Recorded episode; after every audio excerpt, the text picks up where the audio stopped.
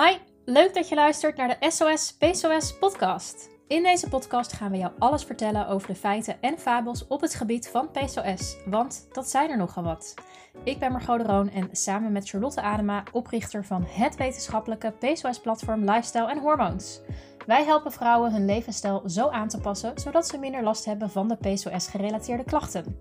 Wij zijn diëtist en gezondheidswetenschapper en gebruiken de wetenschap om de zin van onzin te onderscheiden als het gaat om PCOS, hormonen, lichaam en gezondheid. Wij zijn super blij dat je er bent en meer wilt leren over PCOS. Daar gaan we! Vandaag zit ik hier niet alleen, maar met Dimee. Dimee die heeft bij ons de cursus doorlopen en zij gaat je meenemen in haar verhaal met PCOS en hoe ze bij de diagnose kwam en wat haar uiteindelijk heeft geholpen om beter in balans te komen. Welkom Dimee. Dankjewel. Heel erg fijn dat je wilt aansluiten en wat wilt vertellen over jouw verhaal. Ik denk dat er altijd iemand is die luistert die zich in iets zal herkennen van jou, dus daar altijd wel wat mee kan doen. Hoe lang geleden ben jij gediagnosticeerd met PCOS? Pas twee maanden geleden. Twee maanden geleden, echt heel recent. Ja, ja heel recent. Voordat je enige idee had dat je PCOS had, hoe zag je leven eruit? Kun je het omschrijven? Ja, druk. Ik zit in het onderwijs, dus als je in het onderwijs zit, dan word je eigenlijk geleefd. maar ook gewoon heel druk sociaal en uh, maar ook met familie, leuke dingen doen. Ja, zo zag mijn leven er eigenlijk een beetje uit. Had je dan ook voor een lange tijd eigenlijk helemaal geen vermoeden van dat er misschien iets in je lijf aan de hand was? Toen ik startte met de pil kwam ik heel veel aan en ik wist eigenlijk niet waardoor. En het ging ook heel erg snel. En ik had zoiets van, nou ja, je leest het, het hoort bij de pil. Maar na een tijdje begon ik ook heel veel te wisselen in de pil, want ik brak door meerdere pillen heen. En de huisarts die had gewoon zoiets van, nou, gewoon elke keer een andere pil en dan uh, zien we wel wat dat gaat doen. Na een tijdje hadden we een pil gevonden dat werkte. Maar eigenlijk bleven altijd mijn darmen wel uh, bij mij een probleem. Ik kon moeilijk naar de wc. Ik had eigenlijk nooit een normale stoelgang. Maar ja, dat neem je dan voor lief. Dan denk je, nou, dat hoort erbij. Ik heb ook heel vaak van die zakjes gekregen van de huisarts. Die vieze dingen. En dat probeer je dan allemaal. Maar uh, nou, werkte gewoon niet. En ik ben toen wel nog een keer naar een huisarts geweest. En die zei toen, uh, was toevallig een invalhuisarts, hoogzwanger. En zij zei van, joh, die mee, probeer eens een eiwitrijk dieet. Misschien is dat iets voor jou, misschien helpt dat. Nou, en toen ben ik wel, voordat ik stopte met de pil, uh, nog 25 kilo afgevallen. En ook echt in een rap tempo. Maar ja, toen ik stopte met de pil, toen stopte dat allemaal. Want toen kwamen mijn... Kwam je toen ook weer aan? Ja, toen kwamen mijn PCOS-symptomen uh, gelijk erdoorheen. Ben je toen meteen naar de huisarts gegaan? Was dat twee maanden terug? Of heb je nog lang rondgelopen? Ik ben in oktober gestopt met de pil. En toen kwamen eigenlijk uh, die klachten langzaam. Dus ik merkte dat mijn eiwitrijk dieet hield niet meer. Ik kwam aan. Ik hield veel vocht vast. Na een maand had ik zulke erge buikpijnen dat ik dacht, wat is hier aan de hand? En toen de huisarts gebeld en die zei, ja, maar dat is ontpillen, dat hoort er allemaal bij. Dus dat heb ik toen voor lief genomen. En ik werd toen gewoon de eerste keer na 32 dagen opgesteld. Dus ik dacht, nou, geen zorgen, het ziet er prima uit. En toen de tweede keer was het 46 dagen. En daarna zat ik op weer 46 dagen en was ik nog niet ongesteld. Toen had ik zoiets van, nee, nu ga ik naar de huisarts. En uh, er gingen bij mij eigenlijk alle rode vlaggen al wel af. En had je toen al van PCOS gehoord of nog niet? Nou, het was toevallig dat omdat ik zwanger probeerde te raken, dat was eigenlijk de reden dat ik stopte met de pil. Had ik iemand ontmoet die op dat moment ook stopte met de pil en zei van joh, laten we contact hebben en uh, kijken hoe het bij elkaar gaat. En die zei ineens van joh, die mee, een vriendinnetje van mij die heeft ook PCOS. Zou dat het misschien kunnen zijn? Ja, en toen ben ik gaan opzoeken wat dat was. En toen dacht ik, ja, dit, dit is het. Dus ik had eigenlijk al wel het idee dat dit, dat dit eruit zou komen. Toen ben je dus naar de huisarts gegaan. Je bent er dus best vaak geweest al bij de huisarts, begrijp ik daarvoor. Ook voor weer het stoppen met de pil en voor je andere klachten. Dus nu kwam je weer bij de huisarts. En hoe was die afspraak? Ja, de afspraak op dat moment was eigenlijk heel erg prima. Hij luisterde naar me. Hij zei gelijk van, nee, je hebt helemaal gelijk. Dit zou inderdaad PCOS kunnen zijn. En eigenlijk kreeg ik nou binnen vijf minuten de doorverwijzing naar een gynaecoloog. Hij werkte ook super mee, want hij zei, joh, in dichtstbijzijnde ziekenhuis is de wachttijd zes weken. Ik ken iemand die dit ook doet, nog buiten zijn pensioen. Die doet dat in verloskundige praktijken. Is dat een optie? Nou, en toen kon ik binnen een week terecht en had ik de diagnose. Nou, fijn dat de huisarts je serieus nam en meteen zo snel voor een uh, verwijzing kon zorgen. En toen werd dus uiteindelijk inderdaad het vermoeden bevestigd. Dus ze hebben waarschijnlijk een echo gedaan. Ja, klopt. En dat was ook totaal niet vervelend. Uh, ja, het is even over je gen heen. dat is het enige. Maar uh, nee, en dat was ook een hele fijne gynaecoloog. En die gaf ook gelijk. Want ik had wel zoiets van, oh, ik hoop wel dat hij gelijk zegt wat er aan de hand is. En dat ik niet weer een paar dagen moet wachten op de uitslag van de huisarts. Maar die had gelijk een heel open verhaal en legde uit wat het allemaal was. En, uh, dus dat was heel erg fijn. En dan had je dus waarschijnlijk een teveel aan eiblaasjes in één of beide eierstokken. Ja, in beide had ik er meer dan twintig. Het hangt een beetje van uh, de apparatuur of wat ze gebruiken, wat, uh, wat de grens is. Maar uh, bij 20 of meer zal dat sowieso inderdaad voldoen.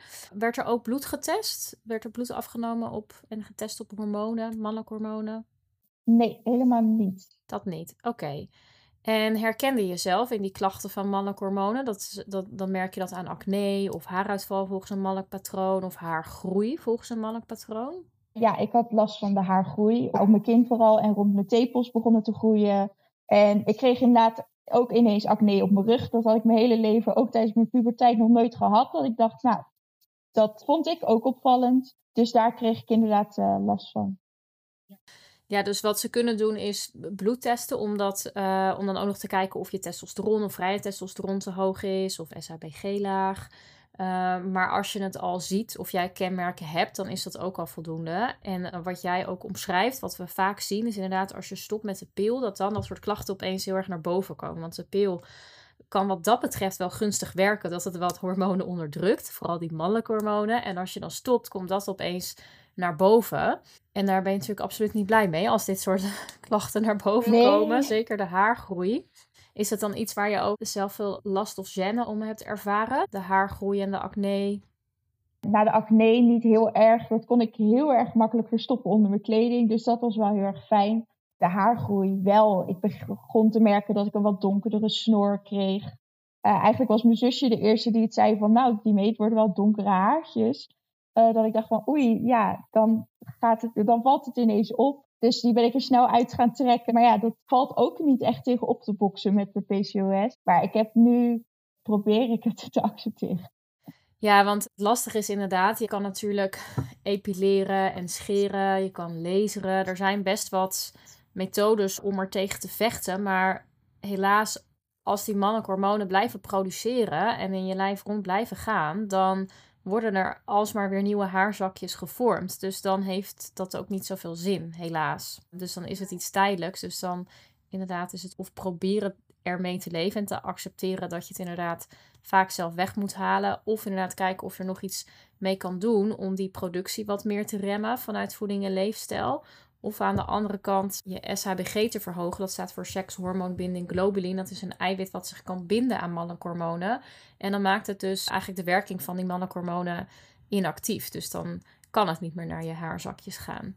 Dus dat is iets wat je dan eh, inderdaad met voeding en leefstijl nog eh, die route kan proberen. Maar het is nooit een gegeven dat dat dan daar helemaal weg mee kan gaan. Want dat, ja, je lijf kan van nature zoveel testosteron aanmaken of mannelijke dat het helaas uh, blijft. Oké, nog even terug naar de diagnose. Want je hebt toen een diagnose gekregen uiteindelijk. En wat heb je toen gedaan? Eigenlijk de huisarts afgewacht, want die zei: Ik neem contact met je op zodra je de diagnose hebt gehad. En ik moest op donderdagavond, dus ik was ervan uitgegaan: Nou, dan zal ik rond maandag wel gebeld worden. En dat werd ik ook. Door een assistent die zei van, oh ja, vervelend nieuws, want je hebt PCOS. Ik zeg, ja, dat is vervelend, maar dat weet ik al. Ik ben bij de gynaecoloog geweest, die heeft dat al verteld toen merkte ik eigenlijk gelijk al aan haar dat zij daar uh, verder niet heel veel aan zouden gaan doen. Zij zei gelijk van, nou, je hebt ons verteld dat je eerder bent afgevallen. Wij gaan ervan uit dat het jou dat weer gaat lukken. Dus we horen je wel als je een paar kilo's kwijt bent. En dat was het eigenlijk. Oké. En zij wisten ook van jouw zwangerschapswens af? Ja, ja, zeker. Maar zij hebben ook gezegd, en dat weet ik zelf ook, kijk, als je meer afvalt, is de zwangerschap natuurlijk ook ja, een stuk veiliger. Maar ja, ik had wel verwacht dat ze me nu zouden begeleiden. Van ja, ik weet hoe het moet afvallen. Dat heb ik bewezen. Maar ik heb ook aan mezelf bewezen dat het eiwitrijke dieet waarmee ik bezig was niet meer werkte. Dus kom maar op met die begeleiding. Wie gaat me daarbij helpen? En toen zeiden ze: Ja, sorry, er zit hier in de buurt geen expert. Succes, we geven mij je terug. En dat was het. Ja, dus je stond eigenlijk met lege handen buiten. Nou ja, je werd gebeld, maar ja, er kwam dus niet voor jou echt een advies of een soort plan van wat je nou moet doen. Nee, klopt. En wat ben je toen gaan doen? Gaan zoeken op internet. Toen kwam ik eerst een site tegen van een paar andere meiden. En die hadden ook een leefstijlprogramma online. Dus ik ben gaan zoeken. Ik denk, ik moet iets. En toen ben ik op hun Instagram pagina gaan scrollen. En toen zag ik dat zij hele lampen boven hun bed hadden hangen voor bepaalde hormonen. Dat ik dacht, oh nee, ik, ik, denk niet dat mijn partner daar heel blij van wordt. Dit vind ik wel heel erg overdreven. En dan stond er een vaste smoothie die je dan elke ochtend moest drinken. Dat ik dacht, nou dat kan niet de manier zijn. En toen ben ik verder gaan zoeken en toen kwam ik op jullie. Yes, en dat was dus ongeveer twee maanden geleden, drie maanden geleden? Ja, ik denk vier, vijf weken geleden. Vier, vijf weken geleden, ja. En wat gaf voor jou de doorslag dat je dacht, ja, ik ga, ik ga me inschrijven? Ja, ik zag zo'n leuke pagina met, nou, ik, vooral jullie, uh, twee enthousiaste jonge meiden. het gewoon een heel goed verhaal. En waar ook duidelijk stond van, joh, het is een leefstijl, geen dieet. Je mag ook echt nog wel wat. Dat ik dacht van, ja, hier ben ik naar op zoek. Want ik wil gewoon heel erg graag weten hoe ik mij het beste aan kan passen. Maar het moet niet ten koste gaan van alles. Exact. Ik denk dat dat heel belangrijk is. Want ik denk dat heel veel vrouwen zich herkennen in wat jij hebt ervaren. Dat als je gaat googlen, dat het heel erg ingewikkeld gemaakt kan worden. En de adviezen vliegen je om de oren. En dat gaat inderdaad van bepaalde lampen tot kaarsen, tot shampoos. Tot aan bepaalde supplementen die je moet gebruiken. Tot voedingscombinaties wel of niet. Of heel erg strak iets moet volgen. Of nou, het gaat alle kanten op. Uh, dat is ook omdat er nog niet één protocol bestaat als het gaat om wat je kan doen bij PCOS. Wij hebben ons er een paar jaar geleden in gespecialiseerd, maar nog steeds zijn er niet specifieke richtlijnen vanuit voeding en diëtetiek. Daar zijn we mee bezig, maar dat, uh, dat duurt nog even voordat die er dan zijn. En dat maakt ook heel lastig, want dan zie je eigenlijk een beetje door de bomen het bos niet meer. Of je denkt, uh, ja, of het, of het is heel ingewikkeld. En dat hoeft inderdaad niet zo te zijn. Ook is het altijd belangrijk, want je kan natuurlijk heel ver gaan en heel veel dingen doen. Maar we proberen ook altijd te zorgen dat het nog gemakkelijk blijft en dat je nog kan genieten. Want een super streng dieet of op alles um, het helemaal perfect willen doen. Dus dan hebben we het inderdaad over voeding, supplementen, beweging, slaap, ontspanning. Maar dan kan je nog helemaal verder gaan in inderdaad shampoos en, en pannen en geen plastic pakjes meer in de magnetron. En nou, je kan heel ver gaan als je wilt. Maar het moet natuurlijk ook nog een beetje te doen zijn en, en leuk blijven. Uh, dus daar proberen we altijd de overlap in te vinden voor iedereen. Ja, dus je bent eigenlijk pas enkele weken geleden begonnen. Heel recent nog, maar wat is je ervaring tot nu toe? Als ik ergens induik, dan doe ik dat voor de volle 100%. Dus ik heb volgens mij in vier dagen al jullie uh, filmpjes gekeken. Die overigens echt heel fijn waren om te bekijken. Korte filmpjes van twee minuten. Nou, dat was ontzettend fijn om zo door de stof heen te gaan. En toen ben ik eigenlijk gelijk mijn hele leven gaan omgooien. Want ik ben altijd wel van het gelijk alles toepassen. Ik ben nooit van het half-half. Dat weet ik van mezelf dat dat een punt is waarop ik dan af ga zwakken en het niet, uh, uiteindelijk niet volgehouden. Ik ben toen gestart en ik merkte, nou, na 2,5 week was mijn ongesteldheid terug. Dus dat was heel erg fijn. Na 72 dagen werd ik ineens ongesteld. Dus dat was iets heel positiefs. En ik merkte ook gewoon dat de acne op mijn rug al een stuk minder werd. Voor mij bleven mijn buikpijnen uh, nog wel. Maar ik ben pas uh, vier weken bezig. Maar dit was al echt heel erg fijn. Ja, dus eigenlijk al heel snel begon je wat te merken. Maar je hebt je ook helemaal volledig ingezet. Want uh, voor de luisteraars, we hebben 200 filmpjes in die cursus. Dus die mee heeft daar heel snel, uh, is er heel snel doorheen gegaan. Full-on video's uh, bekeken. Maar super goed natuurlijk dat je er zo in hebt vastgebeten. En dat je ook ja, dan die motivatie hebt om gewoon meteen daar het roer voor om te gooien. wij zeggen altijd probeer het stap voor stap te doen. Maar in jouw geval, ja, ik ga gewoon lekker alles meteen omgooien. En dat kan ook werken, zolang het maar op inderdaad een manier is waarvan je denkt, ja, dit past in ieder geval nog bij mij. Wat zijn de dingen wat je zo al hebt veranderd in de afgelopen weken? Ik was sowieso heel erg dol op vlees. Ik at heel erg eiwitrijk, dus ik at heel veel kipfilet. Ik at heel veel yoghurtjes met high proteïne en eiwitshakes. Dus dat ben ik eigenlijk gelijk gaan vervangen voor weer uh, volkoren brood of fret, dat soort voedingsmiddelen. En mijn vlees eigenlijk gaan vervangen voor of vis of vleesvervangers. En ben gewoon heel veel groenten en fruit gaan eten. En weer eigenlijk de leuke dingen aan het uitproberen. Dat ik dacht, oh, ik zie een watermeloen. Nou, waarom koop ik dat normaal eigenlijk nooit? En ja, ik krijg ook gewoon weer energie van. Dat ik denk, oh leuk, ik ga weer iets nieuws proberen qua groente of fruit. En uh, ja. Dus eigenlijk ben je van heel veel, misschien, ja, ben je eigenlijk veel uitgebreider gaan eten. Um, ja. dan waarschijnlijk daarvoor. Dat is het ook, want vaak in heel veel diëten worden vaak gesproken over restricties. Van dit moet je vooral niet, dat moet je vooral niet en dat niet. En wij proberen vooral te stimuleren wat je beter kan kiezen en wat dus beter werkt voor je lijf. En uh, wat jij eigenlijk al hebt gedaan, is inderdaad die hoek op van meer onbewerkte voedingsmiddelen en iets meer plantaardig. Wij zeggen nooit dat je helemaal geen vlees meer hoeft te eten, maar we zien wel dat veel rood vlees wel in verband staat met heel veel gezondheidsaandoeningen en dat veel vrouwen daar ook darmklachten van ervaren. En dat kunnen we ook wel zien van zuivelproducten. Dus dat is niet altijd per se de lactose, maar meer zuivelproducten aan zich. En daar vind je ook gewoon wat meer verzadigd vet in, in de dierlijke producten. Wat het ongezonde vet is. Terwijl de goede vetten vind je meer in producten als vis, wat je dus ook meer bent gaan eten. En in noten, in zaden, in pitten en in plantaardige oliën. En dan zag je waarschijnlijk ook dat je wat kilo's kwijtraakte. Ja, ik ben in 2,5 week eigenlijk gelijk 4 kilo afgevallen. Dat is heel veel en heel snel. Dus het zal ook vooral heel veel vocht zijn. Maar ja, het is toch fijn. Het zijn toch 4 kilo's. Dus dat ging eigenlijk uh, best wel heel erg rap. Alleen ik merkte toen ik ongesteld werd dat dat weer even voor mijn lichaam iets geks was. Dus toen ging ik ineens weer heel veel vocht vasthouden. Maar dat is er nu ook weer af. Dus dat is heel erg fijn.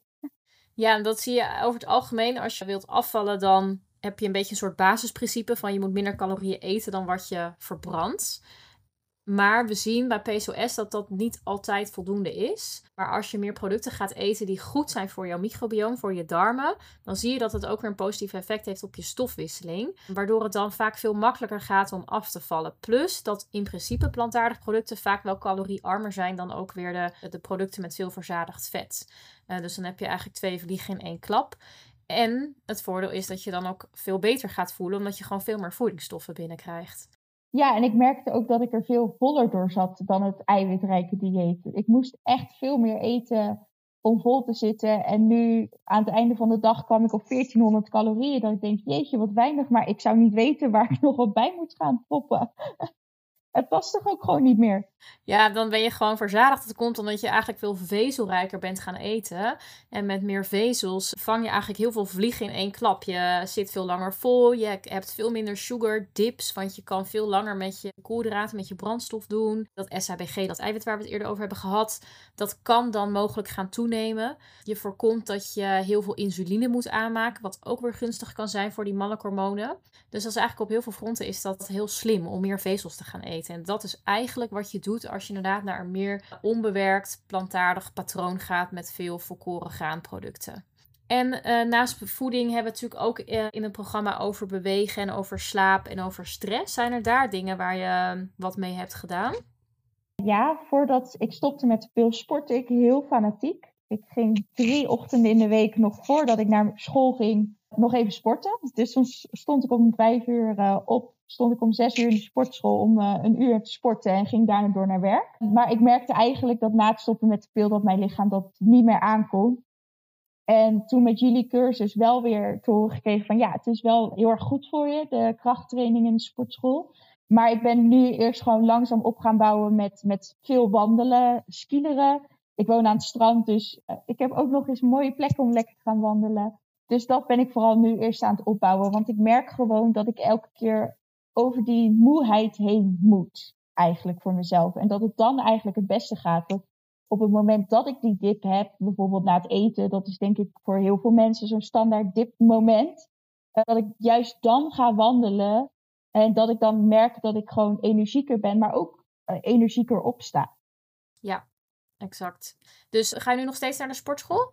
Nee, ik ga nu op dit moment even niet naar de sportschool, omdat voor mij is het enige moment nog voor school. Dus dat vind ik nu wel heel erg vroeg, want ik merk nog wel dat ik in de ochtenden niet op mijn oude energieniveau ben.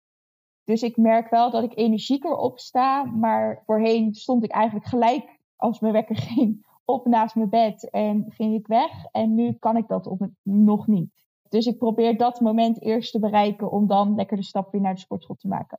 Ik denk dat dat heel goed is. Dus altijd goed om naar je lichaam te luisteren en niet een bepaalde grens over te gaan.